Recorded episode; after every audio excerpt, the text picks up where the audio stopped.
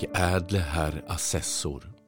Ungefär den tolfte i nästa månad kommer jag till Dalfors och medför då åtta av nio mycket vackra hästar och däribland en brun hingst som är så vacker att han verkligen väcker varje åskådares beundran. Hur skaparen kan äga en så stor konstfärdighet att göra granna saker. Jag tror knappt att själva Arabien som i den kända världen äger de vackraste hästar kan frambringa en sådan vart tusende år. Vad jag nu sagt om denna skönhet är blott en matt teckning. Jag saknar ord att uttrycka mig nog livligt därom. Ehuru, ägare av en så grann häst, är dock alltid herr assessorns aller ödmjukaste tjänare. Lars Persson, Landverk, Alsen den 24 november 1846.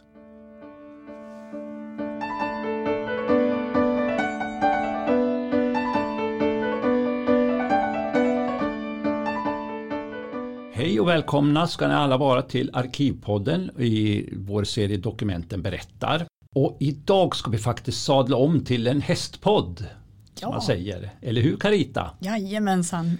Carita Rösler som är min kollega här på Riksarkivet Östersund och som idag ska prata om hästar.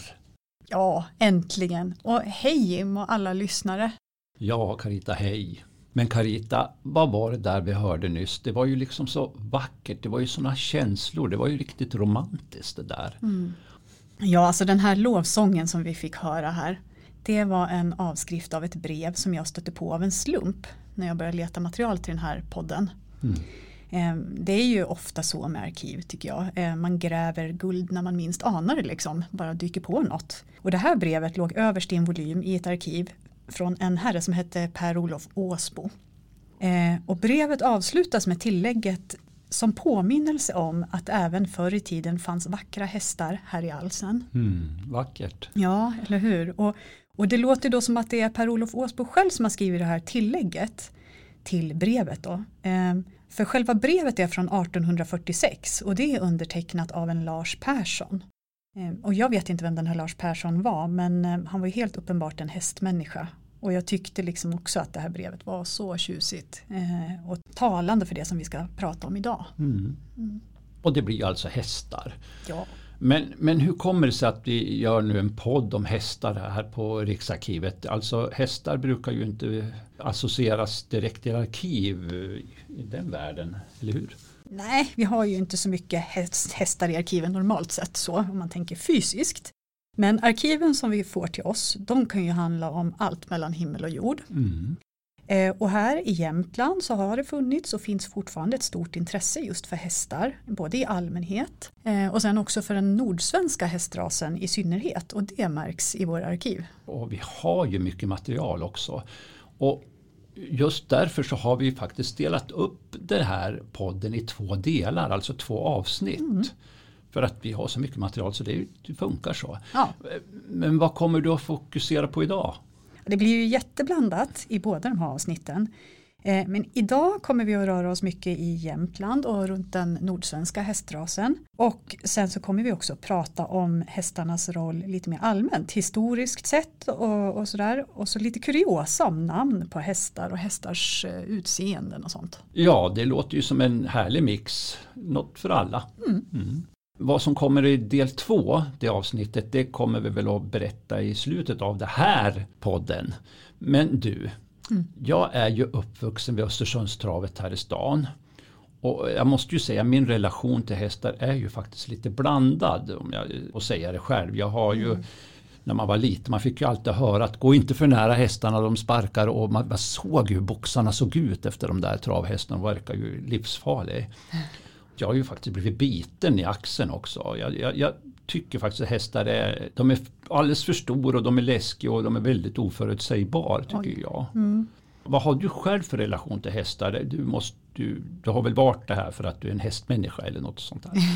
Lite så kanske man kan tänka. Ja, alltså jag, alltid, jag älskar hästar, jag har alltid känt mig dragen till hästar. Men jag red inte som barn.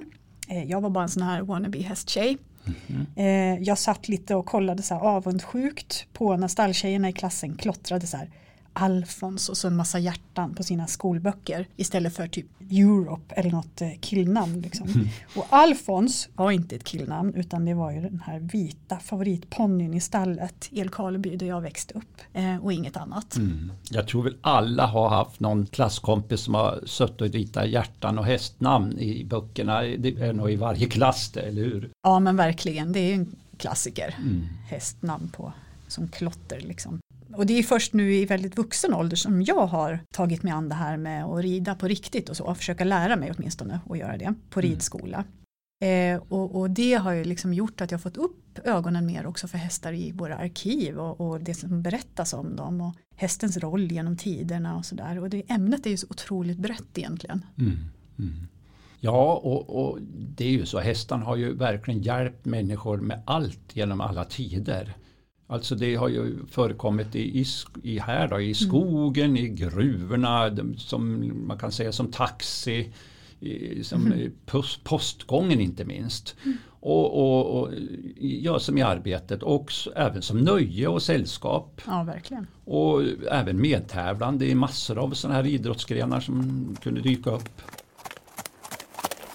Men eh, det är ju ändå så, apropå hästtjejer, att, att stallet har ju blivit en av få idrottsarenor där flickor faktiskt dominerar också. Det är ju lite häftigt. Mm. Ja. Ja, och, och, just det här kring hästen, det här har, vi, det har ju blivit som en genusresa, eller hur? Mm. Eh, från eh, en gång i tiden att det varit ett starkt manligt attribut, alltså, och idag domineras det totalt av tjejer och kvinnor. I varje fall när det gäller ridning då. Ja, om man besöker ett stall. Ja. Och jag tycker det är häftigt när man ser, som jag har ju väldigt respekt för dem och, och, lite halvrädd när man har fått lätt någon häst och så ser man de här små, små taniga tjejerna som bara tar tag i det där monstret och går och, och den lyder dem blint och mig vill han bara äta upp. Nej men det, det, det känns som att de som, tjejer som jobbar med hästar de får kurage, de blir mm. liksom väldigt starka i sig. Och så är det ju eh, faktiskt. Eh, och apropå det här liksom med genusresan och stallen och så, så släpptes det faktiskt lustigt nog tidigare i somras en annan podd inriktad på historia om hästar. Mm -hmm. eh, helt otroligt. Producerad av ett gäng som heter Historiepodden. Ja, just det. Eh, och, och, den har ju vi lyssnat på också. Då. Men, men eh, där berättar de en del om den här resan som eh, ridskolorna har gjort över tid, hur de utvecklades. Och de kom ju från liksom att övertaliga hästar från militären omskolades till ridskolehästar. Mm. Just. Eh, men, ja, och det var ju lite lustigt att de kom nästan samtidigt de här två poddarna, våran och deras. Men lyssnar man på båda så tror jag att det blir en superkombination för häst och historienördar. Lite stora och svepande drag i, i den andra historiepodden och sen lite mer lokalhistoria och detaljer ur arkiven i våran. Mm, ja. Men du, nu måste vi tillbaka till det här brevet som du läste från början. Vilken perfekt häst här måste ha varit apropå avel. Ja. Man undrar ju hur den såg ut. Liksom, finns det någon bild på den? Nej, det gör ju inte det. Och gud vad jag önskar att man skulle kunna se den. Mm. Verkligen. Mm. Den verkar ju fantastisk. Eh, och man blir otroligt nyfiken på den. Och som PR för en, en hästuppfödare så är brevet en riktig fullträff. Verkligen. Mm. Ja, men jag kan ju ändå berätta att vi har ju väldigt mycket fina hästbilder i arkiven och, och även mycket fin gammal litteratur. Det finns ju. Ja, och, och, det är liksom både foton och det är tecknade bilder och det är alla möjliga upptänkliga former på illustrationer på dem. Mm, ja, och vi har ju jättemycket som du sa foton, inte minst från militären. Mm. Eh, och sen så har vi roliga små anatomiska bilder i en hel del tryckta små böcker och sånt också eh, från gamla tider då och det här kommer vi återkomma till längre fram i podden. Och sen här i Östersund så föddes det också en konstnär som hette Acke Kumlin som blev en mästare på att måla just hästar. Mm -hmm. eh, och inte minst den nordsvenska hästen. Så jag ser när man ser bilder av honom så känner man igen dem. Ja, det är han. Liksom. Men inte först nu har jag förstått att det var hans mm. målningar. Ja, de här otroligt fina kärleksfulla bilderna av hästar som han målade de dyker ofta upp i bland annat Hushållningssällskapens tryck som vi mm. har. Ja, det, det är något att söka efter alltså. Mm. Och det här med hästar, de har ju alltid avbildats eller fotograferats rikligt. Och, och, jag kan tänka mig, hur många är det inte som har ett svartvitt foto hemma i något album eller på väggen Nej, med sin farmor eller morfar som poserar barbacka på, på gårdens häst. Mm. Och eh, man kan ju se den där allvarliga och koncentrerade mm, när, hur de tittar in i kameran. Mm. Ja, ett litet utsnitt ur vardagen precis som Acke Kumlins målningar. Och, och, jag har ju själv ett fotoalbum. Eh, då är det min morfar håller upp, alltså min mo, mammas syskon. Mm. Och, och, då sitter de ju flera på hästen. Han står faktiskt nästan på bron framför huset där och visar upp. Så det är ju liksom barnen, familjen och hästen som mm. ska vara på bild. Det är ju liksom så. Jag har också ett sånt foto faktiskt av min farmor och just den där koncentrerade blicken och skulle sitta stilla liksom. Och tänk få hästen att stå stilla på alla de här bilderna. Men, mm.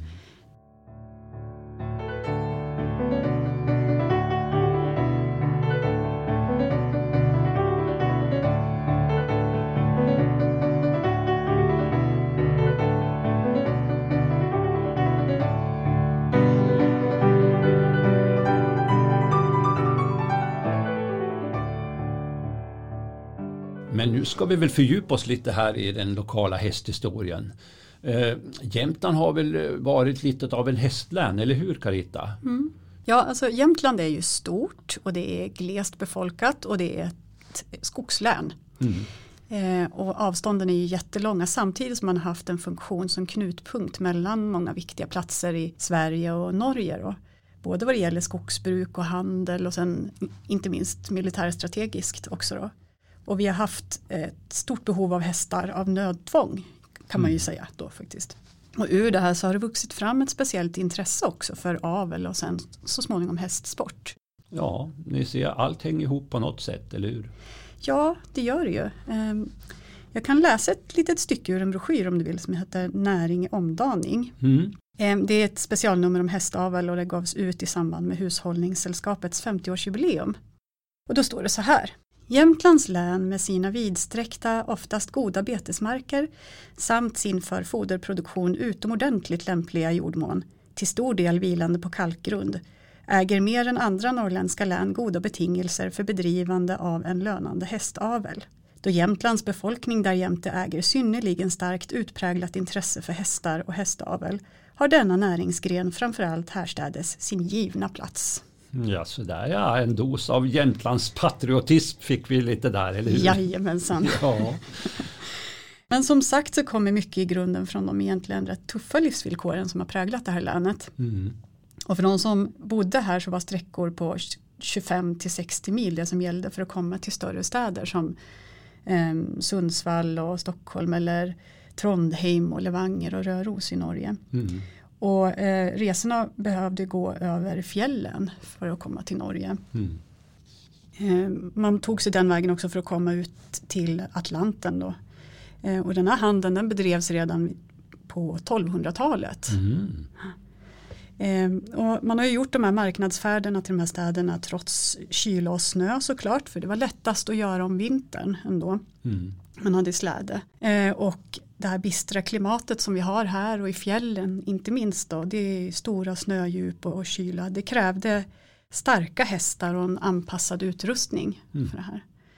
Ehm, så man till exempel så specialtillverkade man trugor av videor som man eh, satte på hästarnas hovar då, som snöskor för att de inte skulle sjunka ner i den här djupa snön. Ja, snöskor för hästar alltså? Ja, faktiskt. Mm. Eh, och en annan faktor som drev på beroendet av hästar den kom 1645 när Jämtland blev svenskt. Mm. Då inordnades länet nämligen också i Axel Oxenstiernas nyinrättade postväsende. Eh, eh, men det är så här för post det levererades ju faktiskt på 1600-talet också mm. såklart. Och då behövde man ju postryttare som red med täta bud och här gjorde de det inte minst mellan fältjägarnas eh, läger på Frösön, alltså militärens läger och så då överstelöjtnantsbostället som låg i, i Vången. Och det, bara det var en sträcka på 4 till 5 mil. Mm. Bra. Eh, ja, Vången ja. För de flesta lyssnare som inte har hört talas om Vången förut så kan jag ju berätta att det är en före detta sån här hingstuppfödningsanstalt som man säger. Och den startades ganska för rätt länge sedan, alltså 1903. Ja, precis. Vången är kanske en bekant plats för många som sysslar med hästar, även om inte andra känner till det. Då. Men eh, det inrättades som en hingstuppfödningsanstalt som du sa. Men sen har det ändrat form under årens lopp. Och det finns ju i allra högsta grad kvar. Eh, så vi kommer att återkomma till Vången här framöver och inte minst i andra delen av den här podden. Men nu, nu vill jag ha, höra lite mer om de här transporterna. Ja, alltså de här behoven av att resa långt krävde förstås också att man utvecklade ett system för att kunna övernatta längs med vägen. Ehm, det har ju liksom varit fråga om distansritt på riktigt. Det här. Mm. Då behövde man ha härbergen så man kunde vila och ha, få mat, både folk och fä. Och sen så behövde man kunna byta ut hästarna innan de hade blivit slutkörda. Eh, Ja, sen under 1600-talet då kom gästgiverierna med skjutsinrättningar på entreprenad i riktigt organiserad form på av kronan. Mm. Och de här förlade man ut med de mer beresta vägarna då, och så var det oftast två, tre mil mellan dem. Mm. Ehm, och ett av de här äldre härbergerna i Jämtland det var Medstugan som ligger ut med Skalstugevägen på väg mot Norge. Mm. Och under 1700-talet då uppgavs det att man hade plats för över 200 hästar där i färdstallarna. Wow, 200 hästar i, ja det var, det lät. Ja, det låter ju spott otroligt. Ja. Och sen när väl staden Östersund anlades av Gustav III så sent som år 1786 då kom ju den att fungera som en ny knutpunkt mellan Bottenhavet och Atlanten. Mm. Ehm, och det var ju inte bara för jämtarna själva utan även för hälsingar och ångermanlänningar och västerbottningar som var på genomresa. Ehm, och alla de här måste ju inhysas någonstans. Ja, självklart. Visst finns det en del dokumentation från de här gästgiverierna också här i arkiven? Ja, precis, det gör ju det. Det är därför vi kommer in på det bra här. Mm. Ehm, det finns dels i länsmans och landsfiskalsarkiv, alltså polisens föregångare. Mm. Och sen så finns det en jättesvit i landskansliets arkiv, alltså länsstyrelsens föregångare. Ja. Eh, och där har vi gästgiveridagböcker och kontrakt också från de olika socknarna här i länet. Då. Från ungefär 1850 och sen så långt fram som till 1936. Wow. Mm. Och där berättar de om vilka som har rest och mellan vilka ställen och vem som drev gästgiverierna och sen villkor och krav på hästhållningen också för varje ställe. Mm. I en av de här som är från gästgiveriet i Vemdalen 1861 så kan man läsa ett lite underhållande vittnesmål om hur det kunde vara att resa på den här tiden. Ska jag mm. ta det? Ja, absolut. Ja, då står det så här. I mänsklighetens namn uppmanas länsmannen C.F. Lund att ägna större omsorg om vägarnas vidmakthållande inom distriktet. Ty i annat fall riskerar de personer vilka är nödsakade att passera vägen emellan Vemdalen och Viken att mista både armar och ben. Åh oh, herregud, det kan ju inte ha varit så bra väg när armar och ben ryker. Där inte. och så måste man ju tänka också hur det var för hästarna att gå på de där. Kanske till och med värre för dem än för passagerarna. Eh, det var det ju säkert. Och sen den första järnvägsförbindelsen den kom inte till länet förrän 1879. Så, och vägarna har alltid varit dåliga, det är de faktiskt fortfarande. Mm. Eh, så undra på att man måste pusta ut ibland. Mm. Mm. I en dagbok från Nilsvallens skjutsstation 1865 så finns exempel på hur skjutsarna lades upp. Eh, och där kan man se att man skulle köra från Nilsvallen till Glisjöberg, Kolsätt och Lillhärdal. Och det var sträckor på typ 2 till 3,5 mil. Mm, mm. Det var liksom som regel. Då. Eh, och antalet hästar de höll med per dygn det var en som skulle finnas till hands genast vid tillsägelse. Eller två stycken inom en timme och sen två också inom tre timmar. Mm. Eh, och sen har vi ett entreprenadkontrakt från Krokom 1928 och där har man också utöver de förutbestämda destinationerna skrivit in att skjuts ska dock även lämnas till annat ställe dit farbar väg finnes. Men inom samma avstånd, då, de här två, tre milen typ. Mm. Eh, och sen när motoren och tågen kom då fick ju de en, liksom finnas sida vid sida med, med hästarna såklart. Mm. Eh, och i, ett, i samma kontrakt, och det här från 1928, så ser man att gästgivaren Erika Andersson då inte bara skulle hålla med en häst och ett åkdon på hjul och en släde, utan också med en stycken automobil under tiden juni till september. Mm. Jaha, så hästar och bilar de gick omlott till en början då? Ja, precis. Mm. Och förresten Jim, har inte du något sånt här, du hade ju ett roligt litet citat någonstans ifrån som skulle komma från typ den första trafikolyckan i Jämtland. Det var en häst inblandad där, eller hur? Ja, Jo men det var ju det. det. Jag har ju tittat på det är ju Hammerdals tingslag så går det ju upp. Det är, man får räkna det, alltså den första trafikolyckan i länet. Mm. Då. Och då är det ju faktiskt en bil och en häst skjuts inblandad. Nu krockar de ju inte men men det är ju, citatet är ju liksom, eh, han, de håller väl ut med vagnen så den far av vägen då, för han blir väl rädd. Och så han flyger ur, det är, det är faktiskt en, en uh, urmakare som heter Nyström som bryter, han bräcker tre revben faktiskt. Och då när de här, de är jägmästare de här som sitter i bilen kommer fram och de vill ju liksom hjälpa han så skriker han ge mig konjak. Och de ger han konjak och sen får de vidare och det här blir ju en rättegång sen för de, de tycker att han var han var ju nöjd där och han tycker väl att det var deras fel. Att, så det är ganska kul att läsa men det är en helt annan historia förstås. Det är ju. De var ganska pigga ändå då.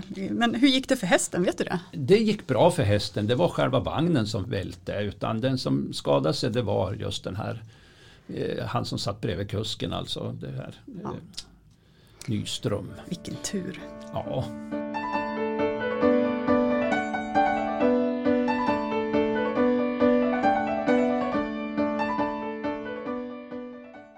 Men om vi går tillbaka till det här med motorerna igen nu då också, mm. eller fortsätter på dem.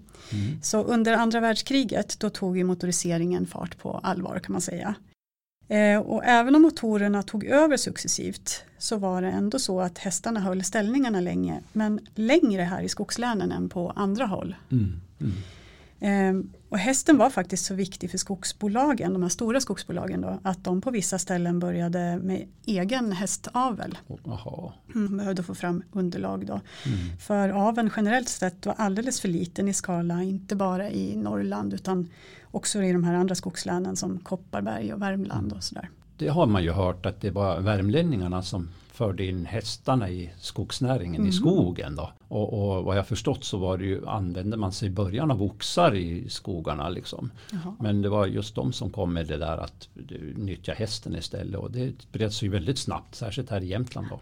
Jaha, ja, det var intressant. Mm. Eh, ja, jag har hittat ett sånt här omnämnt praktexemplar till häst framavlad enligt skogskonstens alla regler eh, i våra arkiv och det var hingsten Fors Mm -hmm. Fors han jobbade här i skogsbruket i Jämtland och han var bördig från själva hingstuppfödningsanstalten Vången. Då. Eh, och om Fors så kan man läsa så här. Det var en elegant hingst med utmärkt bål, hård konstruktion och viljestyrka utmärkte honom dessutom, vilket kanske främst bestyrktes här om året när Fors med timmerlass gick igenom Storsjöns is. Men simmande bröt sig fram genom isen och räddade sig upp på land. Wow, vilken, vilken isbrytare! Ja, imponerande, helt klart. Sen mot slutet av 50-talet då började hästarnas popularitet dala rejält. Eh, och samtidigt så började man tillsätta utredningar för att se hur hästar kunde hävda sig i konkurrensen med motorerna. Mm. Eh, bland annat så konstaterade man att hästarna var mer effektiva än traktorer faktiskt i transporter på upp till 2-3 kilometer. Okay. Och sen så ska jag stoltsera här nu med ett nytt fackord i den här podden som jag har lärt mig. För lunning var hästen bäst. Lunning, jaha. Eh, du får nog berätta för de som kanske inte minns fullt ut. Vad är lunning? ja, alltså det är ett helt eget sätt att eh, dra fram enstaka stammar eller stockar i skogen. Eh, det är en klassisk bild av skogsbruket men idag är den ju sällsynt. Mm. Ehm, och till den så var alltså hästarna nästan det enda som dög. Ehm, mm. Inte bara ekonomiskt utan även rent fysionomiskt. Ehm, och enligt uträkningarna så var traktorlunning 75-80% dyrare än med hästar. faktiskt. I arkivet från Vången så finns det en broschyr som vittnar om de här försöken som gjordes att eh, göra reklam för nyttan av just nordsvensken som mm. brukshäst i moderna tider. Och den här broschyren den har en väldigt nätt titel som låter så här. Till alla jordbrukare, Nordsvenska hästen, en presentation utgiven av föreningen Nordsvenska hästen, experimentalfältet. Mm -hmm. ja. där kan man läsa om farhågan att hästen var på väg att bli ett eh, museiföremål. Mm. Eh, och vi har statistik som talar sitt tydliga språk. Okej. Eh, hästarna i Sverige år 1937 var 633 000 stycken. Mm.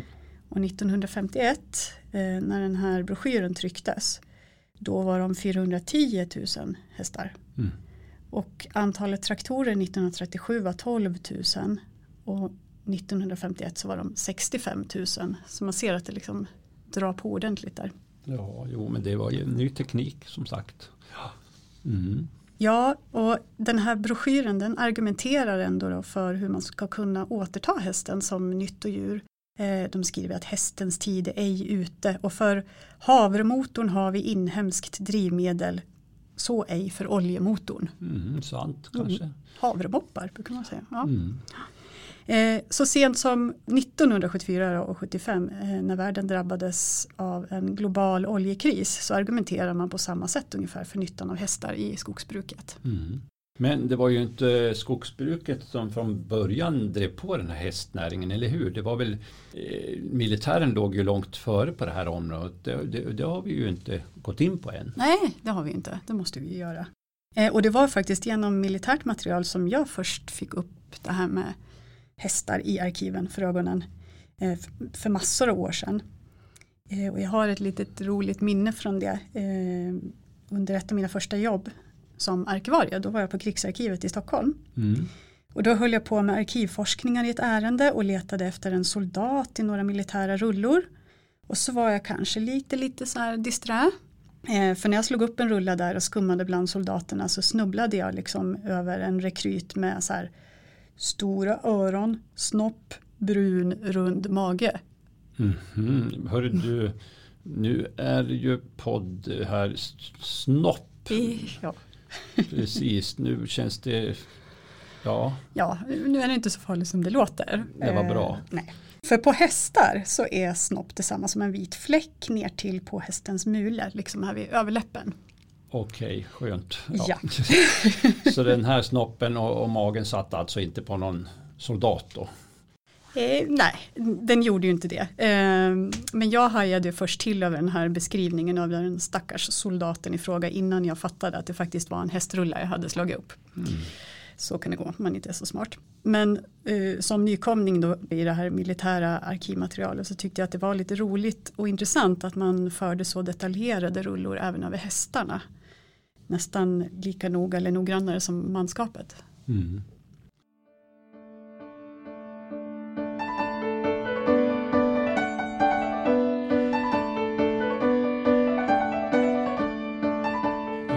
Men eh, med facit i hands eh, som du sa så har ju hästen spelat en otroligt stor roll inte minst i det här militära.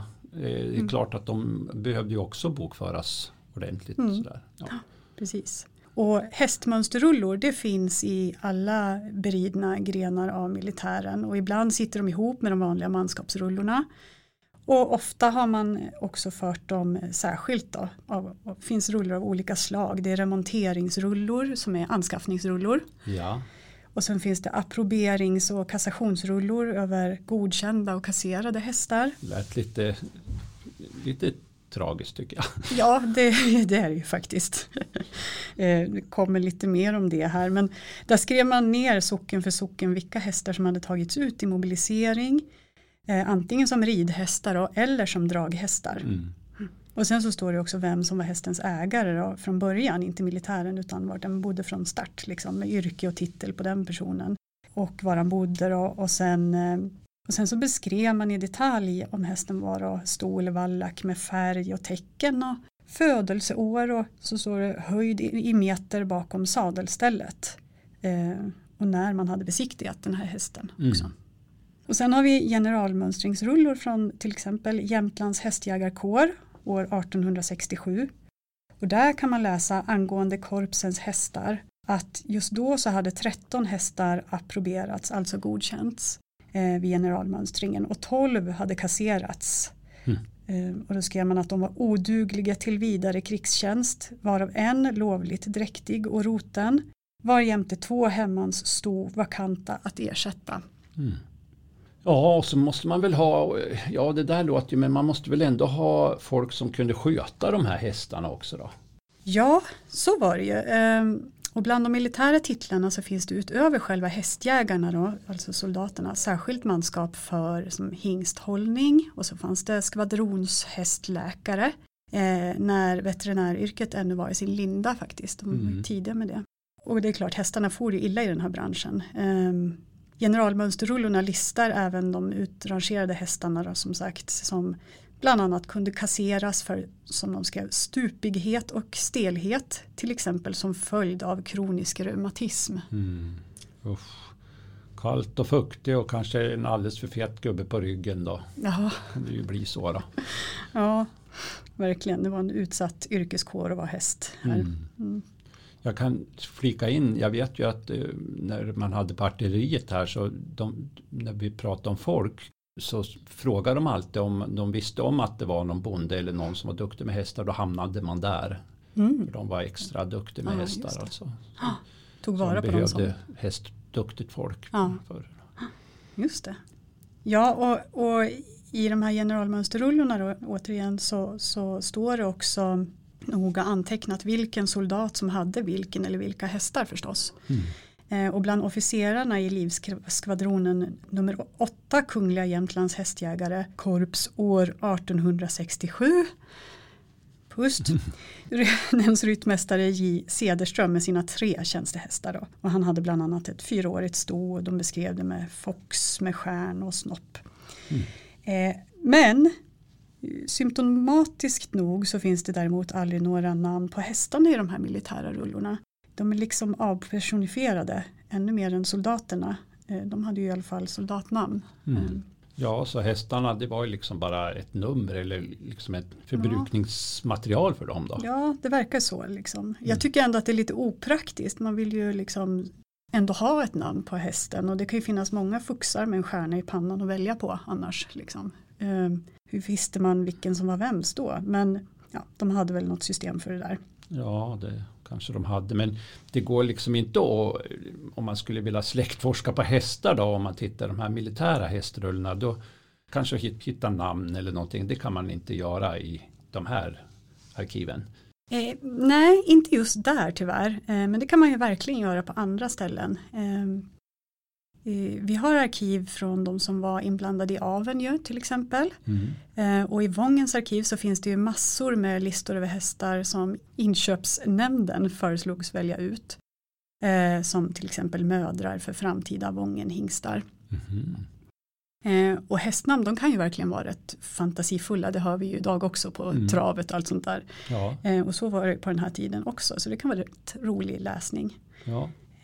jag har några namn här. Det är som Lesjöstjärna, Löja, Komma, Svala 2, Snälla och Dorma. Och Dorma betyder faktiskt svimma på mm. jämska. Ja. Så lite lustigt namn. Eh, och det är på ston då. Och sen så fanns det hingstar. De kunde heta Braskmodig, Bringel, Solid, Rolf, Borsk, Geir, Veikebalder, Gemol och Holtzbrun. Du, ja, nu, när du säger de där, jag hör ju liksom det är lite norskklingande namnen då, det hör man ju. Ja, verkligen. Man hör det norska ursprunget på de här. Ja.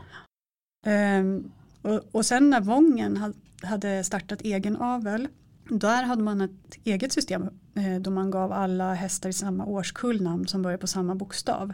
Så i listorna från hingstbedömningarna årsklass 1959 så hittar vi till exempel hingstarna Kagge, Kloster och Kabel. Alla på K. Och de här katalogerna är jättefina för övrigt. Varje häst finns fotograferad. Och sen förutom ursprunget på hästarna och hemvisten så angav man ju också hur, hur de såg ut med färg och till och med mått på hästen och hur mycket den vägde. Eh, och i årsklass 1958 där finns faktiskt hästen Jim med. Mm. Mm. Han vägde 567 kilo. Tycker det var ett ypperligt namnval på den här eh, lilla pollen. Ja, eller hur? ja, det är utmärkt. Det blev ett litet stickspår där om hästnamn.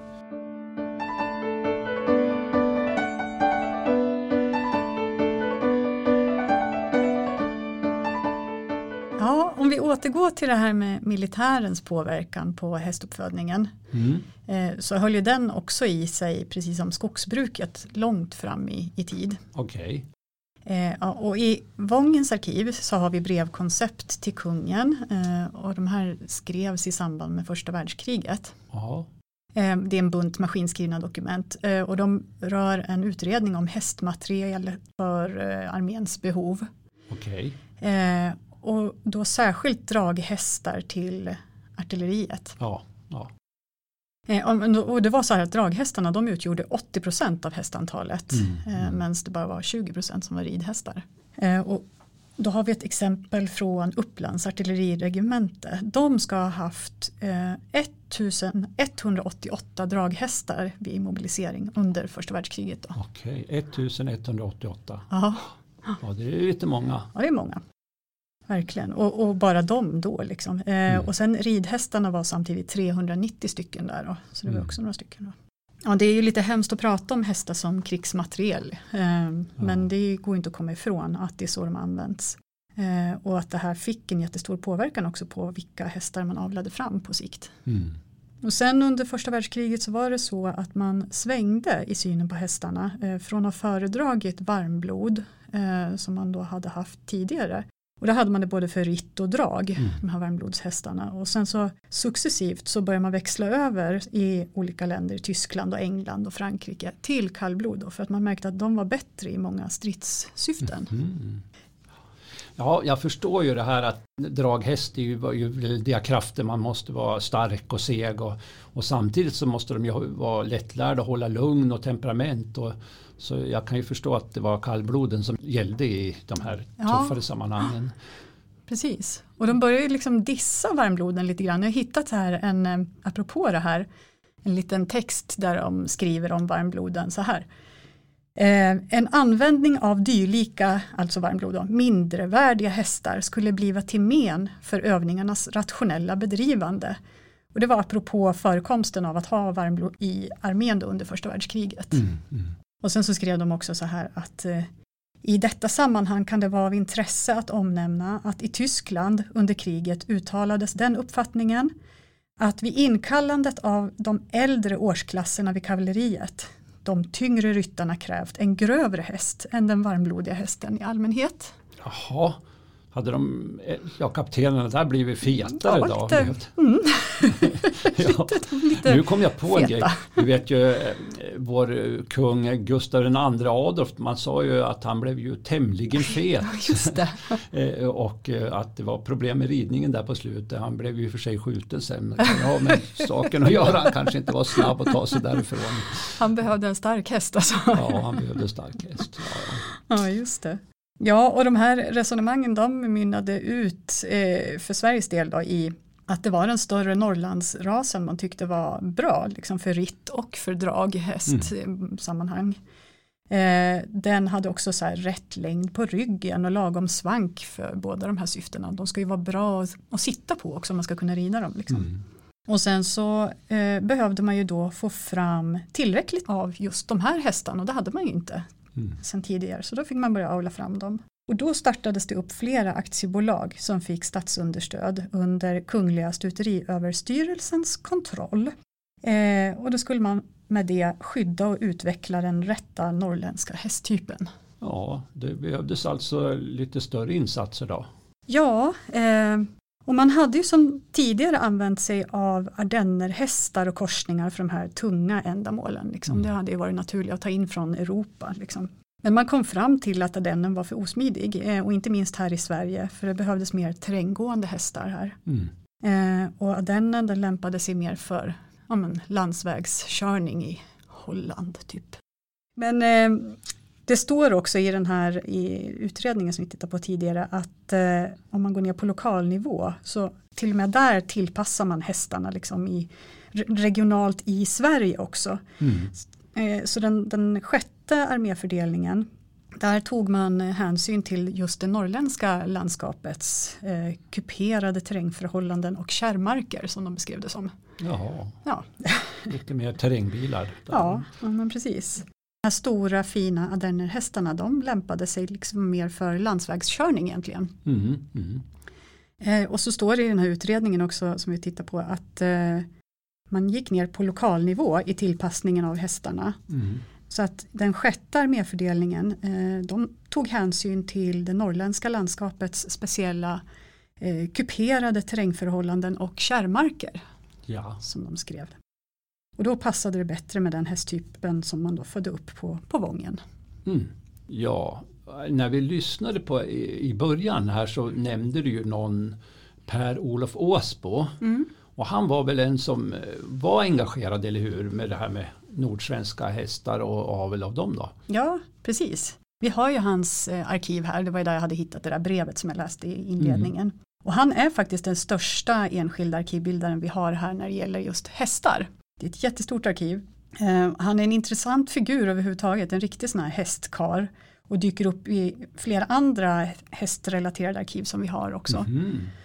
Eh, jag kan säga bara lite så här kuriosa, han föddes 1908 och eh, växte upp som femte generationens ägare av en gård som han tog över 1934. Och på gården där hade de jordbruk och Per-Olof eh, han hade utöver det här jordbruket helt surrealistiska mängder uppdrag. Eh, både så här offentliga, kommunala och, och enskilda liksom. Och inte minst kopplat till hästar då. Nu ska du få höra här Jim. Ja, Han var bland annat ordförande i Ås och Rödöns hästavelsförening. Han var länets ledamot i hästpremieringsnämnden, fullmäktige i föreningen Nordsvenska hästen, revisor i Jämtlands travsällskap, ledamot i styrelsen för Jämtlands hästavelsföreningars samarbetsnämnd och det var bara en liten, liten bråkdel av allt. Så lite hyperaktiv kanske. ja, Ja,